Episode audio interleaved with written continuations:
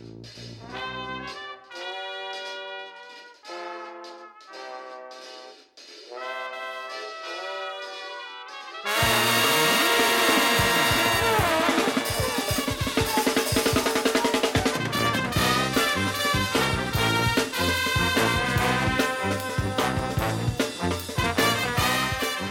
a chroeso i benod 90 o Ysbeidiau Heilog gyda fi, Llwyd Owen. A fi, Lee Jones, lle byddwn ni'n rhoi sylw i'r pethau bach sy'n gwneud gwahaniaeth mawr i ni yn ystod y cyfnod hollol honco hwn. Oh god, yeah baby, mae dal yn mynd mlaen yn dwi, a ni yn bodlediad wythnosol yn dyn ni, Lee. Uh, mae hynny'n golygu bod ni'n gorfod dibynnu arnoch chi ein hyfryd o ran dawyr i ledeini y gair da. Gallwch chi wneud hynny drwy hoffi a rhannu a stwff fel yna ar y Twitters, at ysbeidiau Heipod neu ar Instagram er dyw Lee ddim yn wneud lot ar yr Instagram. Ond ta beth, gallwch chi daflu arian at ni hefyd ar Kofi a Linktree. Um, a ie, yeah, dyna yr uh, ochr uh, y gweinyddol allan o'r ffordd am wythnos arall. O, oh, da iawn ti, Llwyd. Ti Ti'n gwybod yn union beth ti'n dweud, a mae bron fel bod y geiriau yma heb ystyr erbyn hyn, yn dyn nhw, just, just synau cyffredin sy'n dod allan o dy bendi bob wythnos. Uh, mae gennym ni westau yn ymuno gyda ni ar y benod yma, felly uh, take it away, Llwyd. OK then, yn ymuno gyda ni ar benod rhif 90, mae awdur am ryddawn o Ynys Môn sydd bellach yn byw yn swydd caint.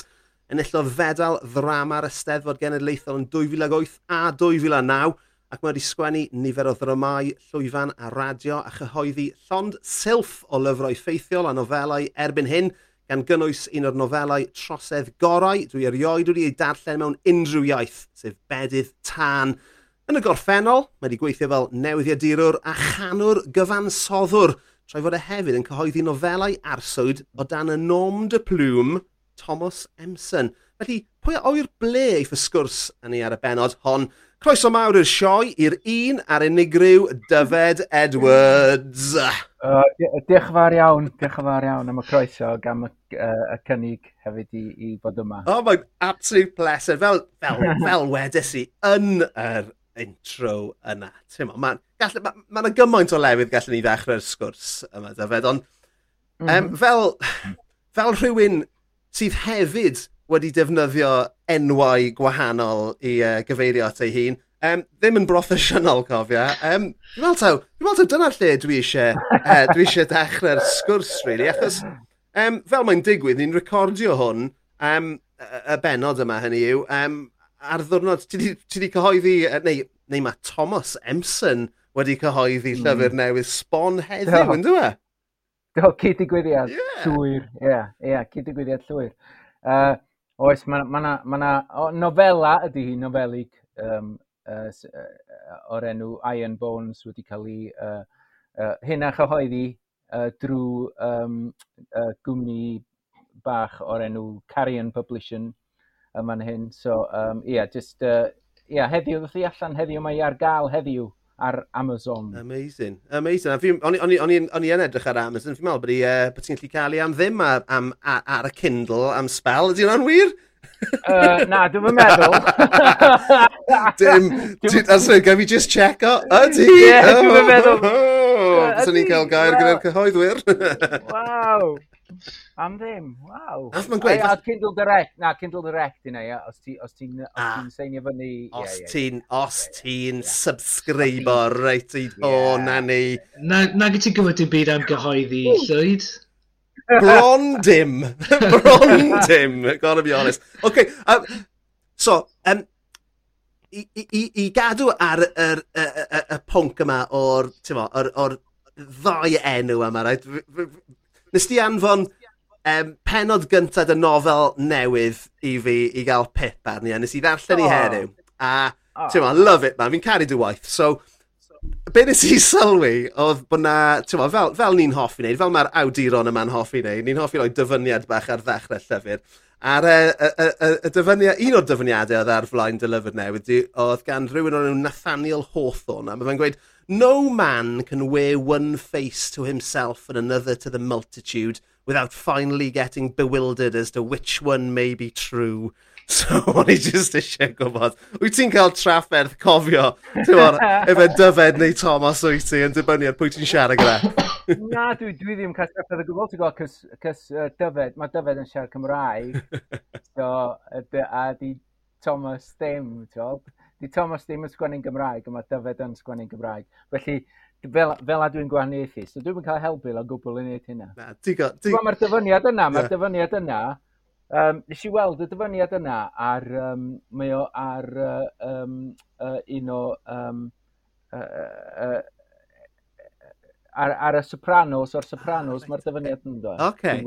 Na, no, lovely, o'n i'n uh, so, really caru. A mae o'n just yn wych mewn cyflau, mewn cyflau, a mewn cyflau nes i meddwl, a ti'n meddwl, nes i ddim meddwl bod o'n bod o'n byd i wneud efo fi o fanna, ond wrth gwrs y ti wedi glymio hynny, a mae o'n sicr i rhywbeth i wneud efo'r efo, efo nofel, yndi. yndi. Andy, o, a diolch am ddarllen, no, diolch am ddarllen y benod e. Ti'n bod, ydych chi wedi bod mor, mor, ti'n bod, mor, uh, bod, mor hael efo, efo dy glod at, ar beth i'r tan, so nes i feddwl, dwi'n dwi siŵr os dwi'n wedi cael unrhyw fath o glod y rwla, mi gael egin llwyd. Hei, o'n i'n really yn caru, ie. O'n i eisiau siarad ti hefyd, ti'n achos mae'r ma, ma, ma, yn dy nofel newid ti, mae'r ma arddull mor gynnil. Does na, ti'n defnyddio brawddegau byr iawn. Ti'n ma, mae fe hmm. bron, ma fe bron fel, ti'n ma, bod e'n rat-a-tatatio ar hyd y, y, y dylenau, ti'n mo. A o'n i hmm. jyst eisiau gofyn i ti, um, ydy dy arddull di, achos dwi wedi dwi, wedi darllen cwpl o dy lyfrau di o'r fath o 90au, amser ti'n cyhoeddi gyda'r lolfa, llyfr y trosedd, ond ydy dy, ydy dy arddull di newid, ti'n mo, dros y blynyddau, achos a, a, a os gai jyst siarad o brofiad personol, amser o'n i'n dachrau cyhoeddi llyfrau, ti'n mo, 15 mlynedd yn ôl nawr, o'n i'n taflu popeth at, at y llyfr. Ond mm. er, er, erbyn hyn, fi'n treol tynnu popeth di angen allan. Wyt ti'n... iawn. Yeah. Wow. Na ti'n treol wneud? Ie. Yeah. Na, dwi'n just taflu bob dim. Os dwi'n dod i fyny fy syniad da, dwi ddim yn meddwl, o, oh, na i gadw hwnna at lyfr arall. Dwi'n fan e, just taflu dy fewn. O, ti'n fo. Ond ie. Ydy arddull, yndi mae arddull wedi newid. Ond ti'n fo, dwi'n dwi ffendio'n... Oce, okay, dwi'n dwi ffendio'n anodd i sgwennu'n Gymraeg, reit, weithiau, dwi yn ffendio e- yn anodd i, i, i, i siapio'r brawddegau lle yn neud o swnio fatha dwi eisiau efo swnio. A mae hynna'n un rheswm, de, pam, bo, pam, dwi di, pam nes i sgwennu bedi tân, mwy neu lai, yn, yn, um, uh, uh, mewn sort of tafodiaeth Sir Fôn. Yeah. So, cos o hwnna'n haws i fi, cos dyna, ti'n dwi'n meddwl, ti'n dwi'n meddwl bod awdur yn chwilio am, am, am ei lais drwy'r amser, mm. a nes i ffendio'r llais wrth sgwennu'n Saesneg uh, lot ffastach. Um, ond mi gymodd i amser fi ffendio y, y llais yn Gymraeg. Dwi'n meddwl na, ella, yr agosa ddoth i ati oedd efo iddew, ti'n bod, nes i ddechrau. Oh, yeah, yeah. Ffendio fanna, ti'n bod, rhyw, rhyw fath o lais, ond, ond eto, ti'n bod, o'n i chwilio eto am rhywbeth arall. Dwi'n meddwl, bedi tân, nes i feddwl, wel, dwi o Sir Fôn, reit? Dwi'n gwybod sy'n ma Sir Fôn yn swnio. A ti'n bod, ti fy cysylltiadau Sir Fôn hefyd, wrth gwrs, ond, a ti'n bod, a, a ti'n bod, so dyna nes i benderfynu, reit, dwi, ti'n bod, os ti pobl yn mynd i ddall y dyfodiaeth, wel, na fo, reit, fel a dwi'n di sgwenio i ddechrau. Yeah. A wedyn, ti'n bod, so dwi'n meddwl, Mae'n ddiddorol iawn, a ti'n bod, dwi'n, dwi'n Cymru, dwi'n dwi, dwi, dwi dyfalu bod ti wedi tyfu lan mewn cartref Cymraeg, Do, wrth gwrs, Cymraeg, ti'n bod, Cymraeg, ie, a ti'n bod, a ti'n bod, dwi'n di sgwennu Cymraeg ond. Ond ti'n bod, y pwynt o'n i'n mynd i ddweud yw, fi wedi clywed nifer o bobl creadigol iaith gyntaf Cymraeg yn, yeah, yeah. yn, yn gweud bod nhw'n ffeindio hi'n haws ysgrifennu yn Saesneg. A, uh -huh. a, a, a, i, full disclosure, nes i ysgrifennu um, y pethau cyntaf nes i ysgrifennu te. Sgriptiau, ffilmiau, um, straeon byrion, ond nhw i gyd yn Saesneg. Achos, uh -huh. fel, fel ti, um, mae Saesneg yn iaith symlach, fi'n meddwl, i, Dei. i falle i fynegu eich hun ynddi. Um, mae fwy hyblyg. Mwy hyblyg, mae hynny'n ma hynny, ma hynny sicr, yndi. yndi. Um, Os na so, rhywbeth i wneud gyda, twyd, y ffaith bod y iaith yn fwy hygyrch hefyd, mae ma, ma pob dim dych mhm. chi'n mm -hmm. cymryd mewn o ran ysbrydolaeth hefyd, twyd, mwy na lai, mynd i fod yn Saesneg, um, chymod, neu, neu rhan fwyaf mm. ohoni hi. Felly falle, chymod, mae cael gweld tymod, rhywbeth yn y cyfrwng hynny yn y Gymraeg yn, yn beth reit pryn, felly mae'n anodd gweld lle mae'ch gwaith chi'n ffitio mewn i'r cyd-destun hynny falle? Yndi, dwi'n meddwl, mae ma, ma, ma, um, ma newyddiaduraeth wedi chwarae wedi dylanwadu lot ar, ar y sgwennu fi'n Saesneg yn enwedig, ti'n bod, a, a mae mwyafrif, wel, mae mwy na lai newyddiaduraeth i gyd nes i wneud, ti'n bod, yn Saesneg mwy na lai, ond i bai am fymryn bach, ti'n bod, ar yr herald Gymraeg, pe o'n i'n cychwyn yn, yn, yn yr 80au hwyr a'r 90au cynna. O ti'n bod, mae o gyd yn Saesneg, felly ti'n delio efo geiriau'n Saesneg yn fanna, ti'n bod, mm. a uh, fel ti'n dweud li, ti'n bod, dwi'n meddwl bod chdi'n der... Mae, ti'n bod, Saesneg yn cael ei daflu ato ti a ti'n mynd ymwybodol bob tro, ti'n bod. Ond, um, Mae, ti'n bod, mae fwy hyblyg, dwi'n meddwl, ti'n bod, mae e hefyd yn, ti'n bod, mae, e, mae Saesneg, nes, rhywun yn dweud unwaith, ti'n bod, y rheswm pan mae Saesneg mor hyblyg a, a mor llyddiannus ydy bod yn bod, bod ti'n ti llusgo ieithoedd eraill i lawr um, stryd dawel, uh, slannu nhw, de, a dwi'n i geiriau gorau nhw. Ie, baby. Ti'n fawr mor wir. Nath ddau hynna unwaith. A mae mi wir dweud, ti'n mae yna eiriau. O'n i'n meddwl heno, reit, o'n i'n meddwl heno. Be di'r gair Cymraeg am connoisseur, reit?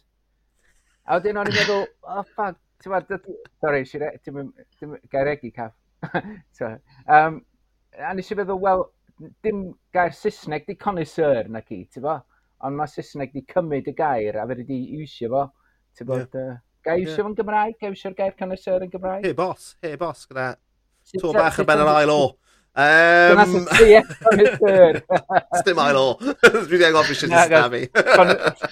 Ond ti'n gweld, Ond nes i sylwi heddiw, ti'n gweld, wrth ddarllen y benod gyntaf, dy nofel gyntaf, bod ti'n um, bod ti'n Tiwod, a fi'n neud hwn um, fy hunan, a fi'n meddwl bod hwn yn ffordd o wneud yr iaith Gymraeg yn fwy hyblyg, a mae ma, ma, ma prysor yn neud hwn, mae ma, ma, mwy a mwy o bobl yn neud hwn. Mm.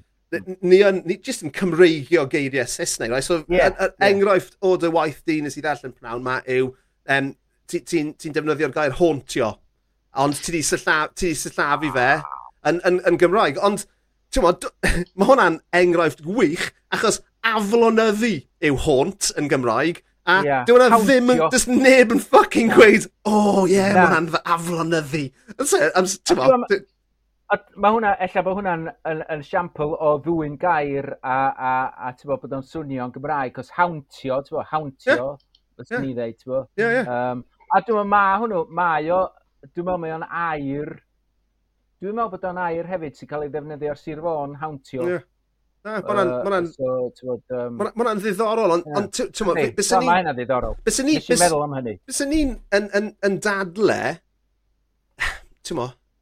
Os i ni eisiau cyrraedd mwy o ddarllenwyr gyda'n llenyddiaeth Cymreig, bod eisiau wneud mwy o hynny yn hytrach Oes. na defnyddio y geiriau cywir ond lotri ffurfiol a anghyfarwydd. Um, Cymraeg. Dyna, dyna, Yeah. Yeah, dyna, ond dyna'r dyna, gwy'n yeah. dwi'n clywed wrth fy mhlant mm. fy hunan sydd yn tyfu lan mewn cartref Cymraeg, e, mod, yw, yw bod, o, oh, mae ma, ma Cymraeg yn rili really anodd mm. i ddarllen achos mae ma llyfrau'n llawn geiriau, so ni beth wedi clywed. Ie. Well, yeah. mae hynna wir. Ie. yeah, pam, pam bydde, bydde ti'n dweud, um, nethon nhw codi yn lle codasant Ti'n gwybod?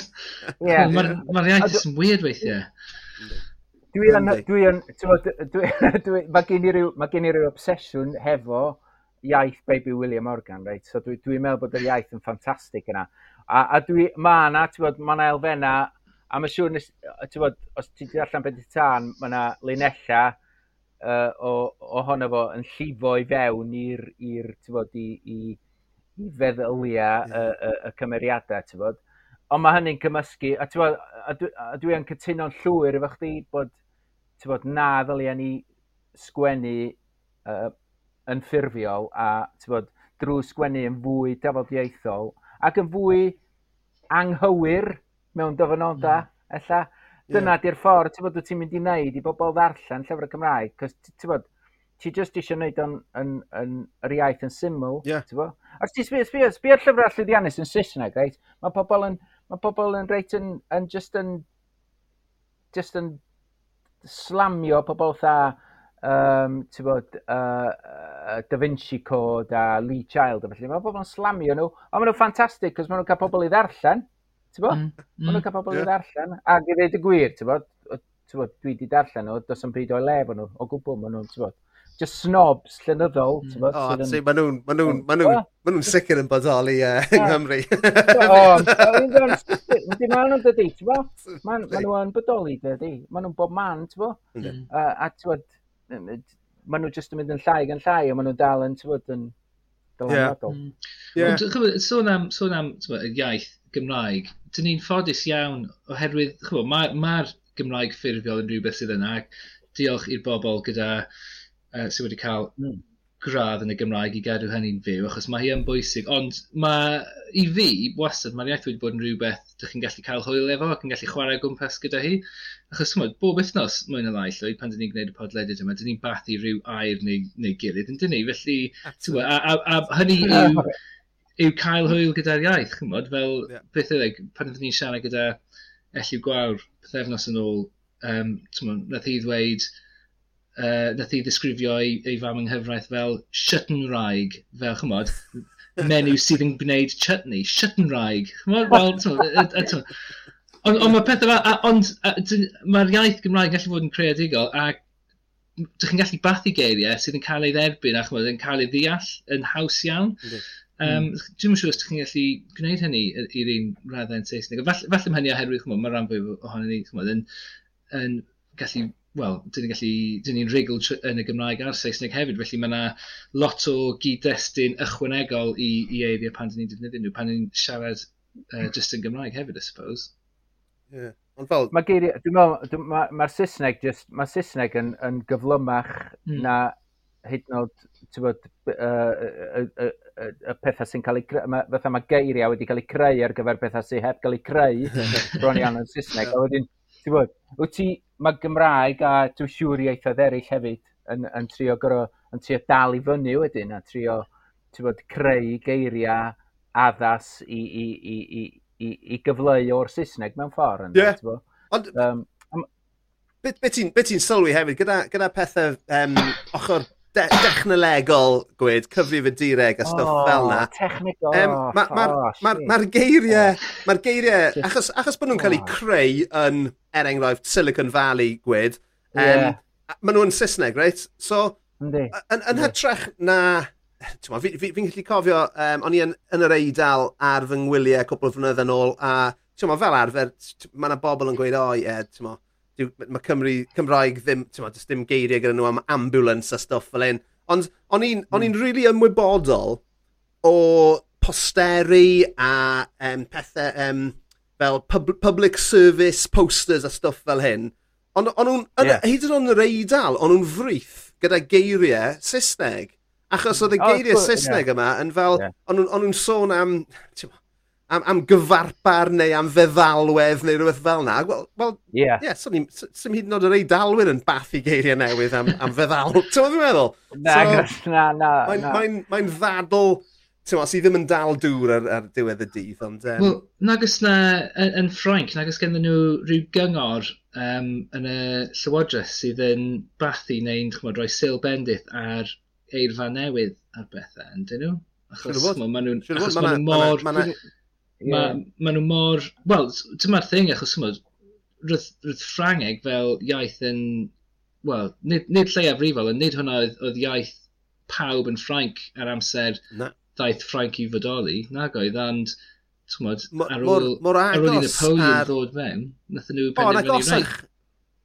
Yn agosach na hynny hyd yn oed, um, fi'n cofio Ifan Morgan Jones yn sôn taw ar ôl um, un o'r rhyfel byd cyntaf neu'r neu, ail rhyfel byd, nath um, Llywodraeth Ffrainc safoni um, mm. Ffraneg, y Ffraneg gyffredinol yma fel iaith swyddogol, a dyna beth sydd wedi arwen at golli cymaint o ieithoedd lle, lleafrifol gyda mm. y, y Lydaweg yw un o'r unig yeah. rai sydd ar ôl a Basgeg wedyn lawr yn y, yn y, yn y de. Mi oedd Ffraneg, oedd Ffraneg oedd iaith...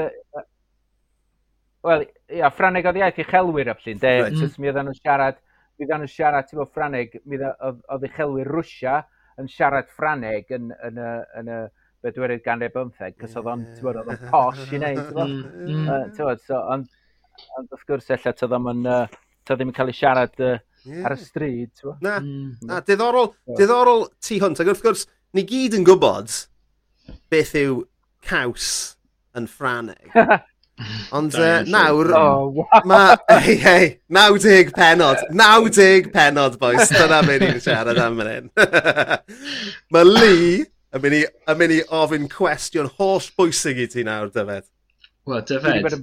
Just paratoi, paratoi ar gyfer hwn am just... Beth, beth yw dy hoff fromage di? Wel, dwi'n dwi mynd dwi ddi'n caws mawr, ond um, dwi'n meddwl na y, y, caws, um, y caws fyswn i'n ddewis ydy, ydy Red Leicester. Mm -mm. Um, a, a, a'r rheswm, a'r rheswm dros hynny ydy um, gys hwnnw ydy'r unig gaws dwi'n cofio am hyntydod, a'r unig gaws oedd yn y ffrej adra, dyna oedd mam yn brynu bod tro, yeah. Red Leicester. Um, wrth gwrs yn y cyfamser dwi wedi um, profi uh, cawsiau gwahanol, um, ond, uh, ond bod, uh, dwi'n meddwl mae hwnnw, hwnnw fysa newis i, yeah. yn sicr, Red Leicester, ie. Yeah. Ah, yeah, dwi'n mynd dwi dwi dwi o'r hoff o gaws, dwi'n meddwl, na i fyta caws, na i fyta rhywbeth os di ymlaen i, ond dwi'n um, Uh, ond tywed, um, Red Leicester, ie, tywed, ah, uh, nostalgia, nostalgia. Mm. Mae hwnna'n ma hwnna chwarae rhan, achos un o'n hoff cawsiau i yw Primula Cheese Spread. A mae hwnna eto yn mynd nôl i fy mlentyndod. Ac os, um, oedd gan yn, um, yn, yn, yn heili uh, enw arbennig iawn ar Primula Cheese Spread, o'n i'n galw fe'n caws fel mwydyn. Achos o'ch chi'n gwasgu fe allan o'r tiwb yeah, fel mwydyn. Ie, gwasgu allan o'r tiwb, ie.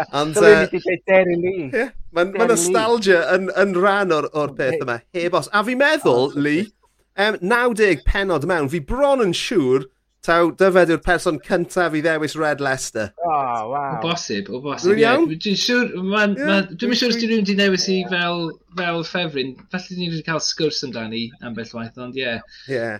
Secondary cheese. Tydi o'n gaws uchelgeisiol iawn. so, bod, um, na, dwi e ddim, ond ti'n gwybod beth? Mae'r ma just y ffaith bod e'n fel yr oren dwfwn yna. Yndi, yndi, ie, ie. Er enghraifft, os ti'n ti gweld e ar pizza, neu ar lasagna, yeah. mae fe really yn gallu codi y, y, y, y bwyd, y pryd bwyd i fyny. Um, just o'i lewa. Mae hynna wir. Yeah. Mae hynna wir. Yeah, just, just cheddar yw e, eitha mild cheddar coch yw e, really, ynddo fe? Wel ie, sgyn i'n syniad sy'n mynd cael ei wneud, a be di lliw, ti'n bod yn siŵr diolch yn naturiol iawn. Ond, Ie, nawn ni ddim gofyn gorfod y gwestiynau am sut maen nhw'n gwneud y lliw yna. Ond um, Yn, yy yn, yn, yn gysylltiedig gyda'r uh, gyda'r caws, uh, dyfa ni'n gofyn i bob, um, bob gwestai uh, sawl cheese grater sydd gyda chi yn y, yn y tŷ yna. Nawr ti'n byw yng Nghaint, yn dweud ti, yn swydd Yng Yng Caint. Nghaint ydw. E. So Yn- yn dwi'n Whitstable. eitha posh lawr ffordd na fi'n meddwl, so uh, sawl cheese grater. Dau. Dau! Dau, Ie. so... Industry Ie. standard. I- un, un ti'n bod yr un efo sgwar, yep. na fel lot o ochra, mm -hmm. ac un sort of mewn i fox, yeah. ah. ti'n rwbio'r caws ar ei dop o, yeah. a wedyn ti'n torri dy fus pan ti'n... a mae bits o dy fus di wedyn yn y... Yeah. Oh, mm, na, na, hey, dyna lle maen nhw'n cael y lliw coch. Dyna lle maen nhw'n cael y lliw coch yn y Red Leicester, man. Amazing. Mae, Eppyn bach o Thomas Emson yn dod allan yn y mi fanna wan, dwi'n bod, ti'n bod efo'r meddwl am uh, bethau yeah. gweidlu. Yeah. Pethau bywyd bob dydd sy'n gallu, uh, sy gallu yeah, achosi. Yeah. Um, yeah. Nes i, amser, amser oedd yn rhentyn lleiau syfu, um, falle oedd hi'n tair oed, o'n i'n plecio tatws yn y gegin, a amser oedd hi'n dair oed, oedd hi eisiau gwneud, oedd hi eisiau bod yn involved. So nes i, nes i roed um, fel potato peeler iddi a gweud go on, okay. plicio'r data yna, a nath i literally yeah. just tynnu top BC off yeah. Ei, ti'n gwybod be? Tad, tad da, ia, rhianta da fyna. Ond, um, ddysgu ddo yn do. Ie, so byth, so byth wedi gofyn i helpu yn y gegin ers ni. Oedde, cyn bod ni'n symud uh, i, i ffwrdd wrth y gegin, Dyfed, mae rhaid ni ofyn, beth yw'r peth rhyfedda? Beth yw'r peth mwyaf weird sy'n beth wedi bwyta? Wel, um, weird, dwi'n gwybod, un o'r pethau mwyaf anghynas dwi'n i flasu, de, ydy, a mae hyn yn gysylltiedig efo, efo lle dwi'n byw, efo Whitstable, ydy um, Wistris. Ww, ie. Yeah. De, yeah. reit? A do'n i rioed di cael yn y blaen tan i fi ddod lawr fan hyn, reit? Ac, um, Ac wrth gwrs, mae ma, ma nhw'n ffarmio, ffarmio nhw, mae ma nhw'n cynnyrchu nhw um, sydd yn rhywbeth eitha um, dadleuol yeah. yn lleol. Ond uh, beth bynnag, so, nhw, so nes i flasyn a nath y gwraeg i flasyn ar yr un pryd a nath hi ddeud, o, oh, mae'n blasu o'r môr. A nes i ddeud, aaa, mae'n blasu o'r môr. so nes i ddau ddeud, yr union yr un geiriau, ond um, ti'n bod mewn tôn hollol wahanol. Ac oedd o'n afiach, a dwi'n di rhoi ffasiwn beth yn yngheg ers hynny. Mae hwnna... Really, oedd o'n... Os oedd o'n... Dwi'n gwybod os di o'n fwyd, fwyd weird, de, ond o'n oedd o'n weird iawn i flasu, de. Wel, dyma, yeah, mae hynny'n... Dwi'n gwybod os, os ys neb yn... Os ydy'r grandawyr ddim yn gyfarwydd gyda Whitstable, mae Whitstable... Wel, chymod, mae'r... Um, mae'r uh, darn yna ar lan y môr, Wel, just, Wel, cregin wistris ym hobman yn does, just, chymod, achos dyna, hwnna oedd, oedd y brif diwydiant cyn i'r trena ddod, I suppose. Um, yeah, mae'n siŵr. Sure. A ie, yeah, just, chymod, just, just, well, just creg yna i gyd ym mhobman, a mae'n ma, ma, ma, mm. ddelwedd sydd yn, well, mae'n amazing. Ond, ie, yeah, mae'n amazing i chi i, i, i, i fyw yna yn Whitstable. Mm ac i feddwl bod nhw'n erchill. Ie, yeah, wel... y peth am heb? Y peth am wistrus, wrth gwrs, yw bod rhaid iddyn nhw fod yn ffres, yn dysa? So, so ti'n byw yn y lle perffaith, a, a dim ond, dim ond unwaith dwi wedi blasu wistrus, a ges i uh, yr un ymateb y ti, o'n i, on i ddim yn off i fe o gwbl, ond Ond oedd yn rhoi i, ond nhw ddim cweit yn, yn ffres, chwaith, i fod yn honest. O lle dda nhw wedi dod, gofyn yn siŵr bod eich di drewi hefyd. O, ond nhw ddim, ond nhw, ie, oedd e ddim yn neis, oedd y texture, ti'n mo, oedd e just, oedd e e'n, a goffa fi o fy nghenllenc tyndod. Um, so, ie, yeah, ni ddim eisiau mynd nôl fyna, ond, uh, ond, ie, yeah, so, wistris, ti di bwyta wistris, Lee? Ti'n eich achwel dyn wistris? Na, no, sorry. Just meddwl amdano nhw. Na, dwi'n mynd hoffi... Mae'n efo'n Ie. Na. Na, dim diolch. Ti wedi, ti wedi, ti wedi trio rei? Ti wedi cael rei? Na, dwi'n mynd bwyta bwyd o'r môr, really. Heb lam scampi. Na, na, na. Scampi, I draws the line at Scampi. Ti'n gael. Um, e? ti, be, be ti ddim yn sylweddoli, Dewi, mae ma, ma, Lee, mae arferion bwyta Lee fel fel plentyn tair oed. So... Waith so... Dyna pan mae'n byta um, uh, uh, crisps yn y cefnir yeah, yna. Yeah. That, that he draws the line at prawn cocktail walkers. oh, gwych iawn. Reite, i unrhyw randawyr newydd sydd yn gwrando am y tro cyntaf ar y benod yma, stopiwch beth chi'n neud, cerwch nôl i wrando ar 89 penod blaenorol. Na, dim ond yn joc. A'n gorffennwch yr un yma gynta. Um, ond os na i chi'n gwybod, uh, diben y podlediad yma yw gofyn i'n gwesteion beth yn y byd sydd yn rhoi gwen fach ar ei wyneb nhw. So, dyfed, ni'n gofyn i'n gwestiwn am ddau beth. Beth yw'r peth cyntaf ti eisiau cyflwyno i ni heno? O safbwynt, be, be, be dwi... Be, uh, be dwi'n fwynhau, beth sy'n ei fi'n hapus. Beth sy'n ei ti'n hapus, man? Beth sy'n ei fi'n hapus? Beth sy'n ei fi'n hapus? Ie, yeah, wel, ti'n bod, beth sy'n ei fi'n hapus ydy, ydy, um, uh, bod ar ben fy hun, neu nid ar ben fy hun, ond efo'n ngwraig yn rhywle, de, fatha ar draeth, neu hyd nod, da ni wedi prynu dodrem newydd yn yr ar, a mae wedi bod yn braf ma'n ddiweddar, so da ni wedi bod yn just yn gorfad ar hwnnw, yn mwynhau y tywydd, yn darllen, yn yfed. So, a wedyn, neu bod ar draeth efo, dwi'n cofio llynydd eithon ni paros yn groig, lle dda ni jyst yn eistedd ar y traeth, jyst wrth y bar bach ma, jyst yn yfed ac yn byta, ac yn darllen, yn darllen digwydd bod o glist i glist. Ho, ei, gyda. A so, so mae hynna'n ei fi, dyna sy'n ei fi'n hapus, dwi, dwi, bod, mae hynna, bod, um, uh, just dwi wrth y modd efo just treulio'r amser yna. Um, ac um, syml, ti'n bod, ond ti'n bod, dwi'n dwi eitha, ti'n bod, dwi'n bod, bob, dwi'n dwi mwynhau gweithio hefyd, ti'n bod, dwi'n mwynhau gwaith, dwi'n mwynhau sgwennu, so ti'n bod, um, um, so dwi'n ffodus iawn yn gallu... Amser um... wyt ti gartref, wyt ti'n yeah. ffeindio hi'n anodd, ti'n jyst yn gwneud bod ti'n mwynhau yn yr ardd, ond Wyt ti'n wyt ti'n wyt ti'n anodd switch off amser ti'n ach ti'n ddim ddim creadigol ti hwnt. Ti'n mo, ydy dy bend i'n troelli ti'n mo, trwy'r amser. Ydy, dwi'n mangen switch off nac dwi, ti'n cos dwi'n, dwi, ti'n mae hynna'n ma hynna gret i fi yeah. bod, bod na bethau mynd trwy'n henni trwy'r amser, so ti'n bod, mm. dwi'n hmm. switch off ddim yn, ddim, dwi'n misio switch off. Ti'n bod? Ti eisiau bwyd ar is ymwybod. Wel, ti'n bod, dwi ddim, ti'n bod, bob tro'n meddwl am rhywbeth efo, rhyw uh, efo llyfr dwi'n sgwennu neu efo bod, rhywbeth sy'n rhyw syniad neu ti'n bod, um, hmm. sut dwi'n mynd i hybu rhywbeth dwi'n neud. Efo, yeah. bod, um, ti, be, ti'n switch off fel awdur? Na, mae'n ma, ma, ma anodd. Mae'n anodd. Mae'n A, a ti'n a mae Lee hefyd, ti'n uh, gyda dy waith di fel newydd i'r dirwr, mae yna oh, wow. ma bethau oh. just yn popio yn does? Right, yn, yn, yn, neu, wel, ti'n mo, gobeithio wneud hwnna beth stopio, ond on ma na, ma na, I mean, fi'n, fi mor ddiolchgar o fy, mo, o'r gallu fy ffôn symudol i, i recordio pethau erbyn hyn, mm. achos mae'n ma, ffôn i jyst yn llawn ne, voice notes fel, fel rhyw Alan Partridge, ti'n mo, sy'n mm. jyst yn, yn, ti'n Monkey yn syniadau. Ie, yeah, yeah, well, ti'n mo, a lot o'n nhw ddim, ddim yn dod i ddim byd hefyd, reit, achos yn aml, ti'n mynd, o oh, ie, yeah, mae'n syniad gret, Ti'n gweud e, yeah. a wedyn ti'n dod nôl ato fe fori neu mewn wythnos neu pryd bynnag, a ti'n meddwl, ti'n mynd, ben a fucking bees yn hwn. Ond y thing yw, ti ddim yn... Ie, yeah, weithiau, ti'n mewn cwpl o fisoedd neu mewn blwyddyn neu rhywbeth, falle hwnna yw'r pisyn olaf sy'n mynd i yeah. wneud i bob dim dysgu mewn i, i le ar ar yr yeah. gweithio yn y fe, ynddi fe? Absolutely. Dyna pam ti'n gwneud yna. E? Dwi'n hen flash, dwi'n hen flash, dwi'n cael y llyfnodiadau fo fi.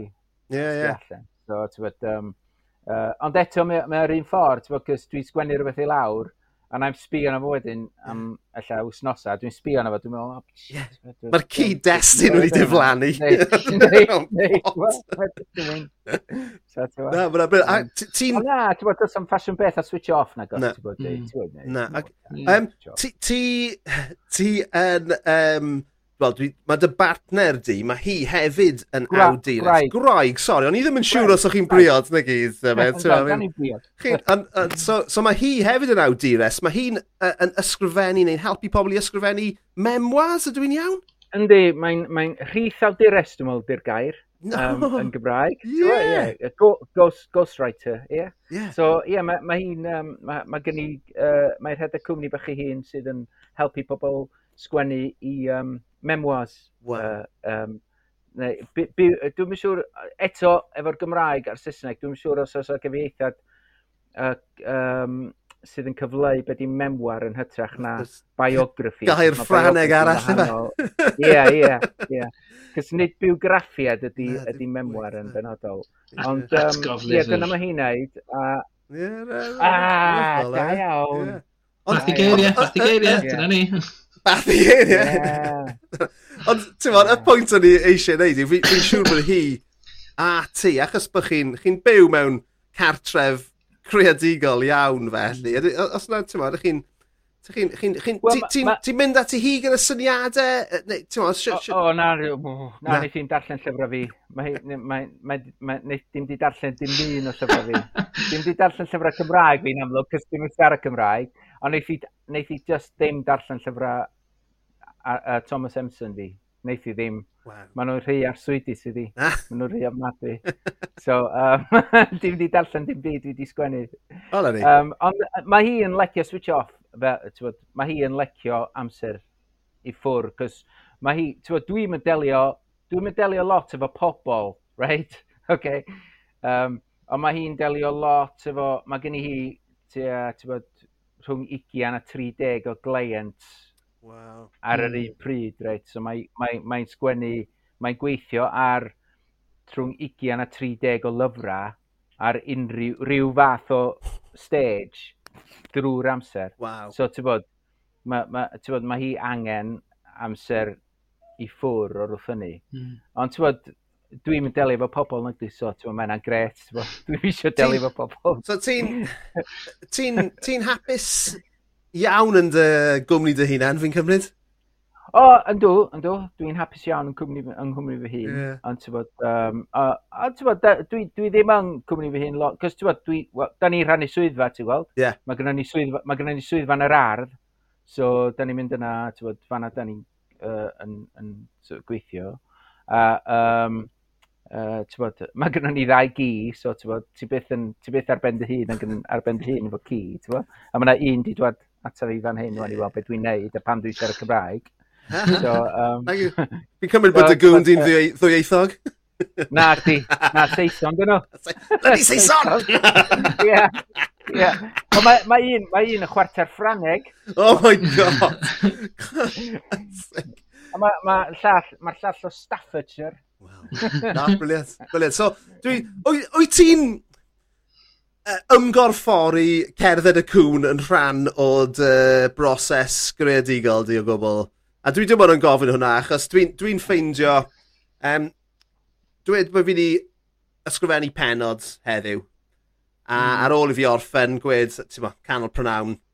A uh, dwi angen just pw, mynd a cerdded a fi'n mynd ar fy nghi bach i gyda fi.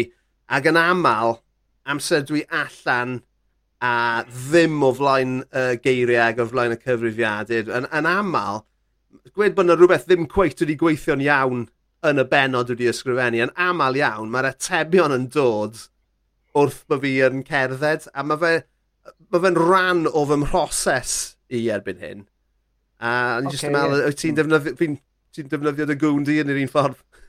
na, na, na, dwi'n, dwi'n, dwi'n, dwi'n dwi'n dwi tueddu beidio um, dim roses i ddim yn gweithio fel ac dwi jyst yn sgwennu'r draff cyntaf yn sydyn a dwi'n mynd poeni am broblemau okay. fo fo. So, oh, okay. Dwi just, dwi just yn mynd trwyddo fo'n sydyn. Gadw, so, gadw hynny i'w golygu. Fuck it. Na, hynna, gadael, ei, gadael ei'r draff nesa, i'r draff nesa ynddo. Yeah. So, ti'n bod, mae'r draff cyntaf yeah, yeah, yeah, yeah. yn sydyn, felly dwi'n dyn nôl wedyn a, bod, a dechrau mynd yn ôl, a dechrau mynd yn ôl, a dechrau mynd yn ôl. Um, so, so, bod, so peth um, pwysig i ti gyda'r tymod, y, y, y, y, y ymdrech gyntaf te, y drafft gyntaf yna yw just cael y geiriau i gyd lawr a wedyn ni'n gallu, ni'n gallu, ni gallu gweithio gyda hwnna, rhywbeth i weithio gyda, ie? Yeah? Yeah. Garfod o, garfod yeah. o, ti'n bod dyna, dwi'n dwi, dwi dysgu, so dwi'n dysgu pobl dwi'n dysgu pobl i sgwennu reit. Dwi'n Ia, o'n i'n gweld, o'n i'n gweld bod yna gwrs dy hunan dy ti allan yna. Wel, wel, ie, a dwi'n gwneud cyrsiau yma, a dwi wedi sgwennu llyfr, neu mae Thomas yeah, superb, sgwennu llyfr, How to Write a Novel in Six Months, right? So, a, a, a ti'n bod, dos am rheolau i sgwennu, reit? Dim ond, o'n i bai am ddwy reol, oce? Dwy reol. A, a, ar y ddwy reol ydy darfod y drafft, reit? Darfod y nofel, a paid a diflasu'r darllenydd. Mm -hmm. So dyna di'r unig ddwy yeah. reol, reit? Bob dim arall, reit? Up for grabs, yeah, yeah. reit? Okay. Just dyna di'r ddau beth. Ond dwi'n dwi, annog pobl bob tro, mae pobl yn dweud, o, oh, dwi'n sgwennu nofel, ond dwi'n siŵr, ti'n bod, just, dwi'n just dweud darfo yeah, ti, yeah. reit? Just mm. darfo ti. Yeah, a dyn o leia, ti'n bod, efo, efo draff cyntaf, mae'n lwmpo, ti'n bod, lwmpo glaid ydi, ti'n bod? Yeah ti'n siapio fo, a ti'n siapio fo, ond fyrdd ddim gwneud dim byd gos os gen ti lwmp o glau, ti'n fo?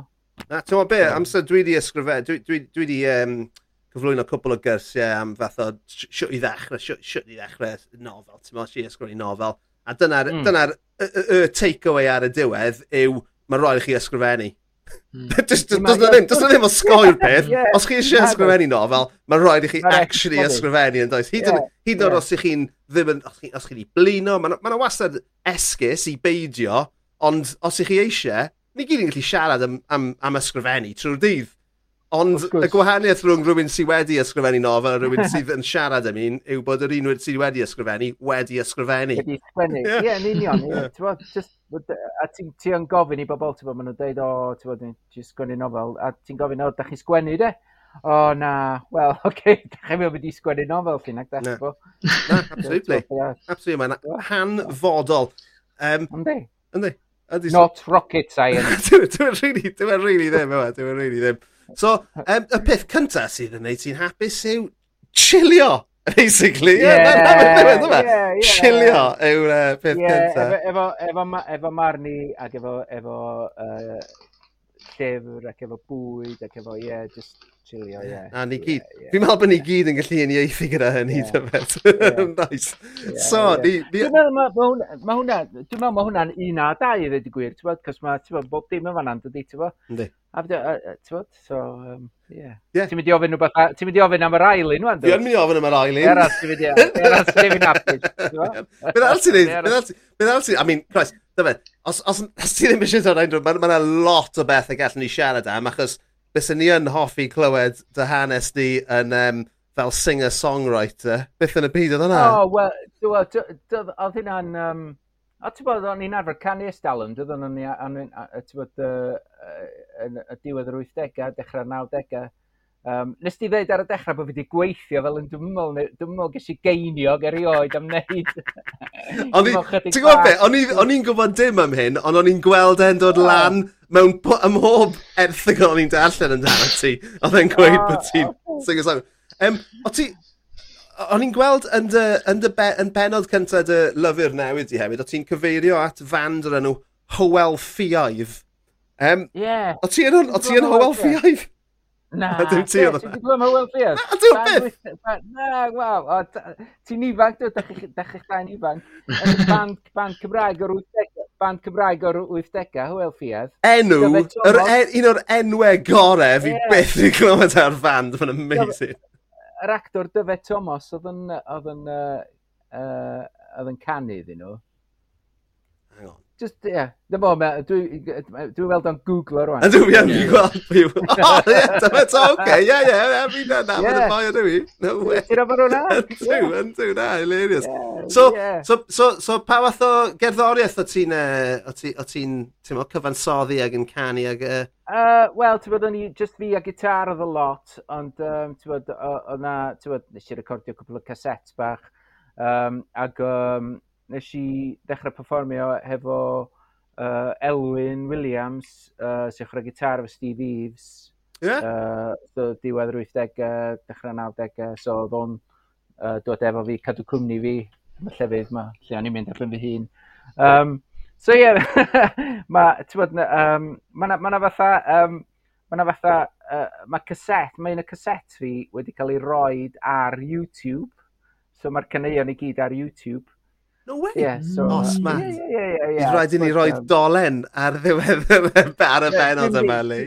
Dwi'n di dwi di ffendio fo rwan, reit? A fe rhaid anfon eich di rwan y draf. Na, ni'n ni anfon y draw wedyn, o'n i'n sicr bod hwnna okay. ynghlwm gyda, gyda disgrifiad y, ben, okay. y benod. Ond, mm, ffantastig. Okay.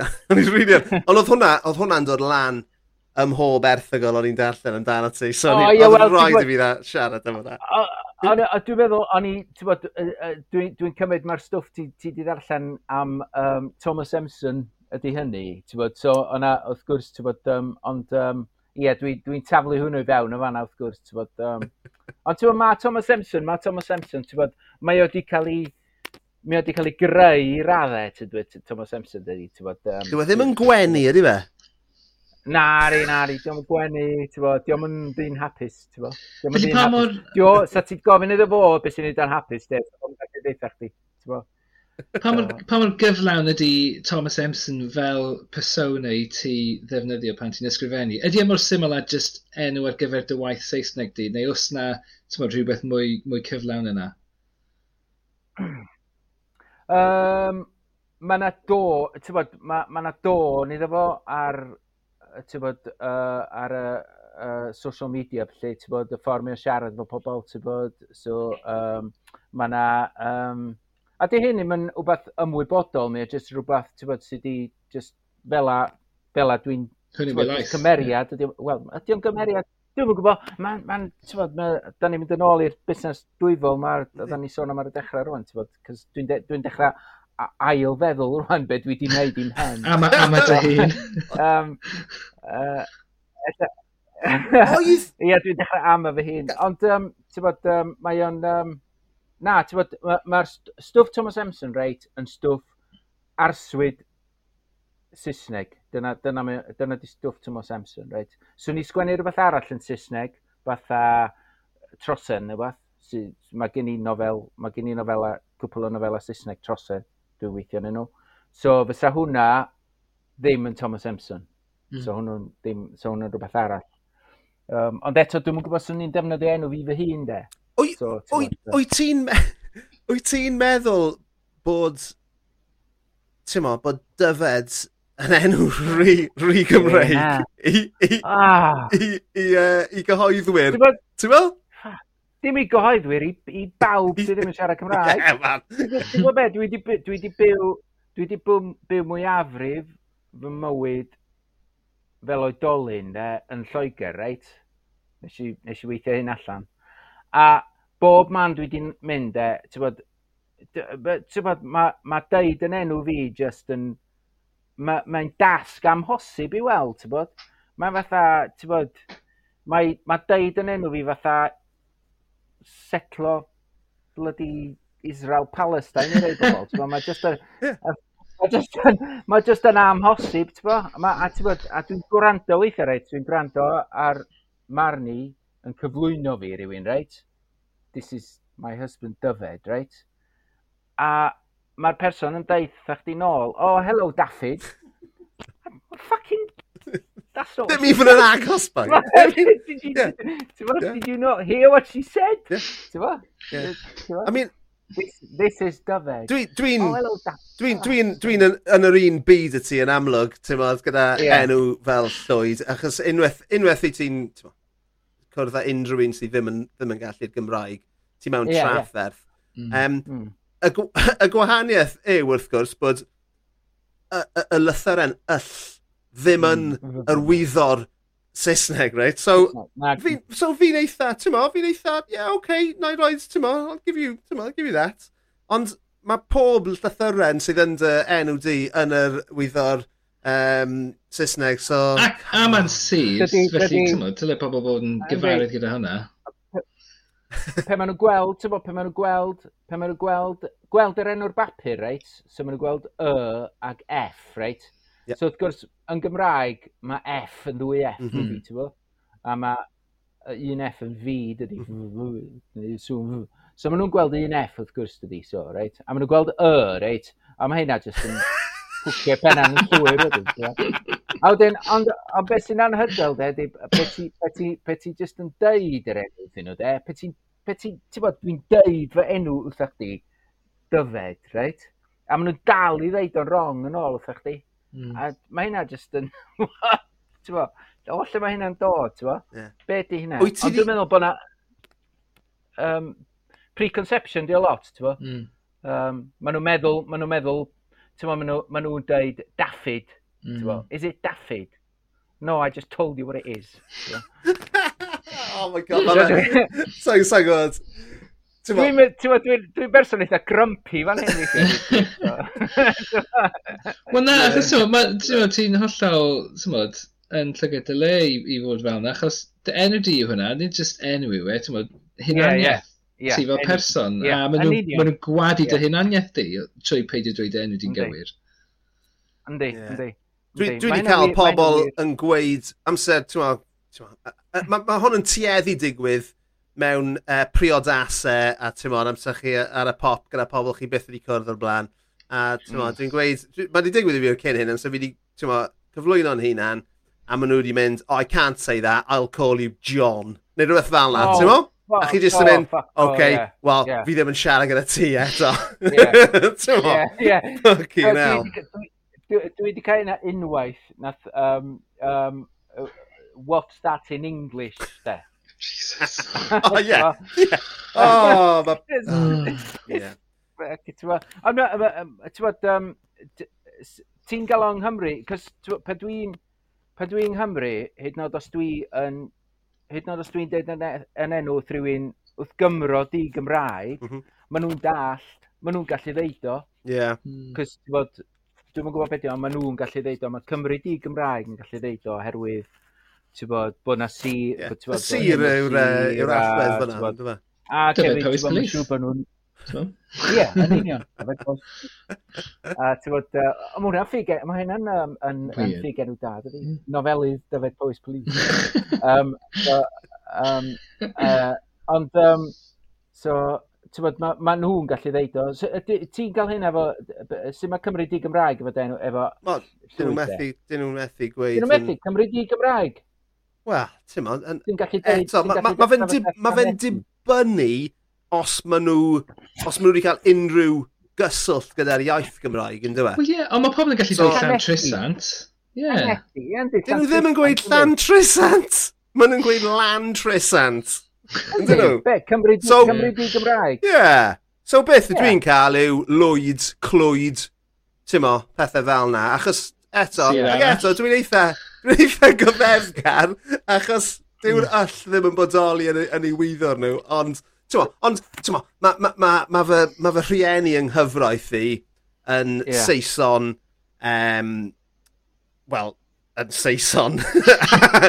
a, a chwarae teg, mae hyd, ma hyd yn oed fy, fy mam yng nghyfraith i sydd yn, tyma, really Saesnig. Mae hi'n ma hi gallu gweud e, so fi yn meddwl, wel, Os mae hi'n gallu gweud e, ond nath e gymryd tua 8 mlynedd i fi fe sroli.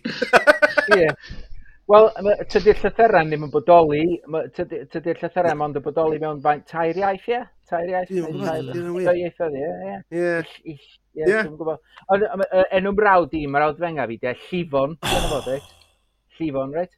Um, a mi oedd i priodi fo gwyddeles. Oh my god. A, Um, mae en, ma enwau gwyddelig hyd yn oed yn mwy mental. Yndi, yndi. A mi oedd i oedd gweithio rownd y byd yn bob man. Yn gwybod beth wedi mynd ar enw yma. A mae enw, ma enw fo lot anoddach na, na i fi ddeud. Ond, Sio, mae fe di ymdopi? Dwi'n yn gwybod. Dwi'n yn rhaid i ofyn efo, ti'n Bod, ond um, mae ma siŵr sef o jyst yn dweud, oh, Don't care. Lee. Mae nhw jyst yn cael fi'n Lee. Wel, well, meddyg, dy ti'n gweld, so mae'n siŵr bod nhw'n gael am doctor. Dr Edwards. Dr Edwards, mae pawb yn gallu gweud hynny. Pawb yn parchu Dr Edwards, yn dyn nhw, ar ein glei. Ar ein glei. Dyfed, mae wedi bod yn absolute pleser cael ti ar y podlediad, ond cyn i ti fynd, ni'n ni, ni, ni gorffen plug o dy waith ti, cos mae yna ma lot mae yna lot o lyfrau mas na gyda dy enw di. Wel, un o dy enwau di ynghlwm gyda nhw. Yeah. So, lle gallwn, ni, lle gallwn ni ddod ar draws dy waith di, Ore, ti'n meddwl? Um, Wel, mae'n siŵr, uh, ti'n mae'r ma llyfr Cymraeg, wrth gwrs, maen nhw ar, ar gael uh, siop y Cymraeg, a maen nhw ar gael ar-lein G-Wales. Yeah. Um, Bedi tan o'r diwedd arall, cwpl o flynyddoedd yn ôl, wrth gwrs, a wedyn y tir diffaith y gwyllt i'r un newydd dod allan flwyddyn nesaf. Um, Mae rhain ar gwasg y bwthyn yn dyn nhw. Gwasg bwthyn sy'n cyhoeddi, uh, sydd wedi cyhoeddi heini, ie. Yeah. So, ti'n um, be di tan di'r diwedd ara, felly ti'n bod, os oes os oes o bobl heb darllen be di tan eto. Gallai ddim uh, argymellu ddigon. Diolch yn fawr, diolch yn fawr iawn. Dwi'n meddwl ti'n mynd i stopio y frawddau canffordd trywydd wedyn. Fe droi ddim argymell. Ddim argymell. A wedyn mae... Um, Mae llyfrau Thomas Emson, mae heini ar gael ar-lein, ti'n bod, um, uh, ti'n bod, fe wedi bigo copi a fyny ar Amazon a eBay a llyfr lli. Um, so, ti'n bod, um, yeah, dwi, dwi, dwi, ti'n bod, dwi'n bob man, ti'n bod. Ie, wel ie, yn yn union. A, ond cyn belled y bod chi'n gallu sillafu dy enw'n iawn wrth gwrs. Ie, ie. Wel, sy'n ni'n meddwl bod pawb, pawb sy'n mynd i wrando ar y podlediad yma'n gallu sillafu enw i. Fi'n meddwl bod ia. Ac, A ac cyn, jyst cyn bod ni'n mynd, um, ar Twitter ti yw at Dyfed Edwards, mor syml o hynny. At Dyfed Edwards fi, a, a wedyn, os uh, gan bod ni sôn am y llall hefyd, mae yna at Thomas Emson hefyd. A, uh, mae yna at Thomas Emson horror ar Instagram hefyd. So, superb, superb. Wel, yeah. diolch eto i ti am ymuno gen i. Mae wedi bod oh. yn sgwrs really wych. Diolch yn fawr i chdi llwyd a, chi, a chdi hefyd, Lee. Diolch yn fawr iawn. Diolch yn fawr, Dyfed. Diolch, dude.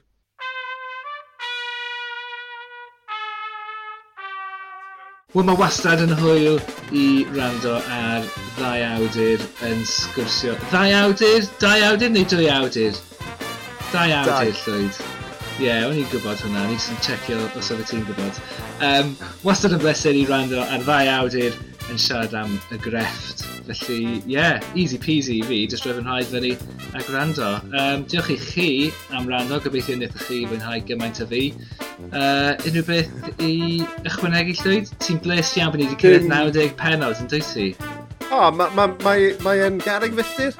Ydy wir. So, na, diolch i ti, dude. Mae'n... Uh, ti'n sy'n y gwaith caled, sy'n fi. So, uh, diolch yn fawr i ti am gadw cwmni. Ac e, ie, uh, yeah, diolch i chi am rando, a byddwn ni'n ôl wrth nesaf. Nice one, ta da. Thanks.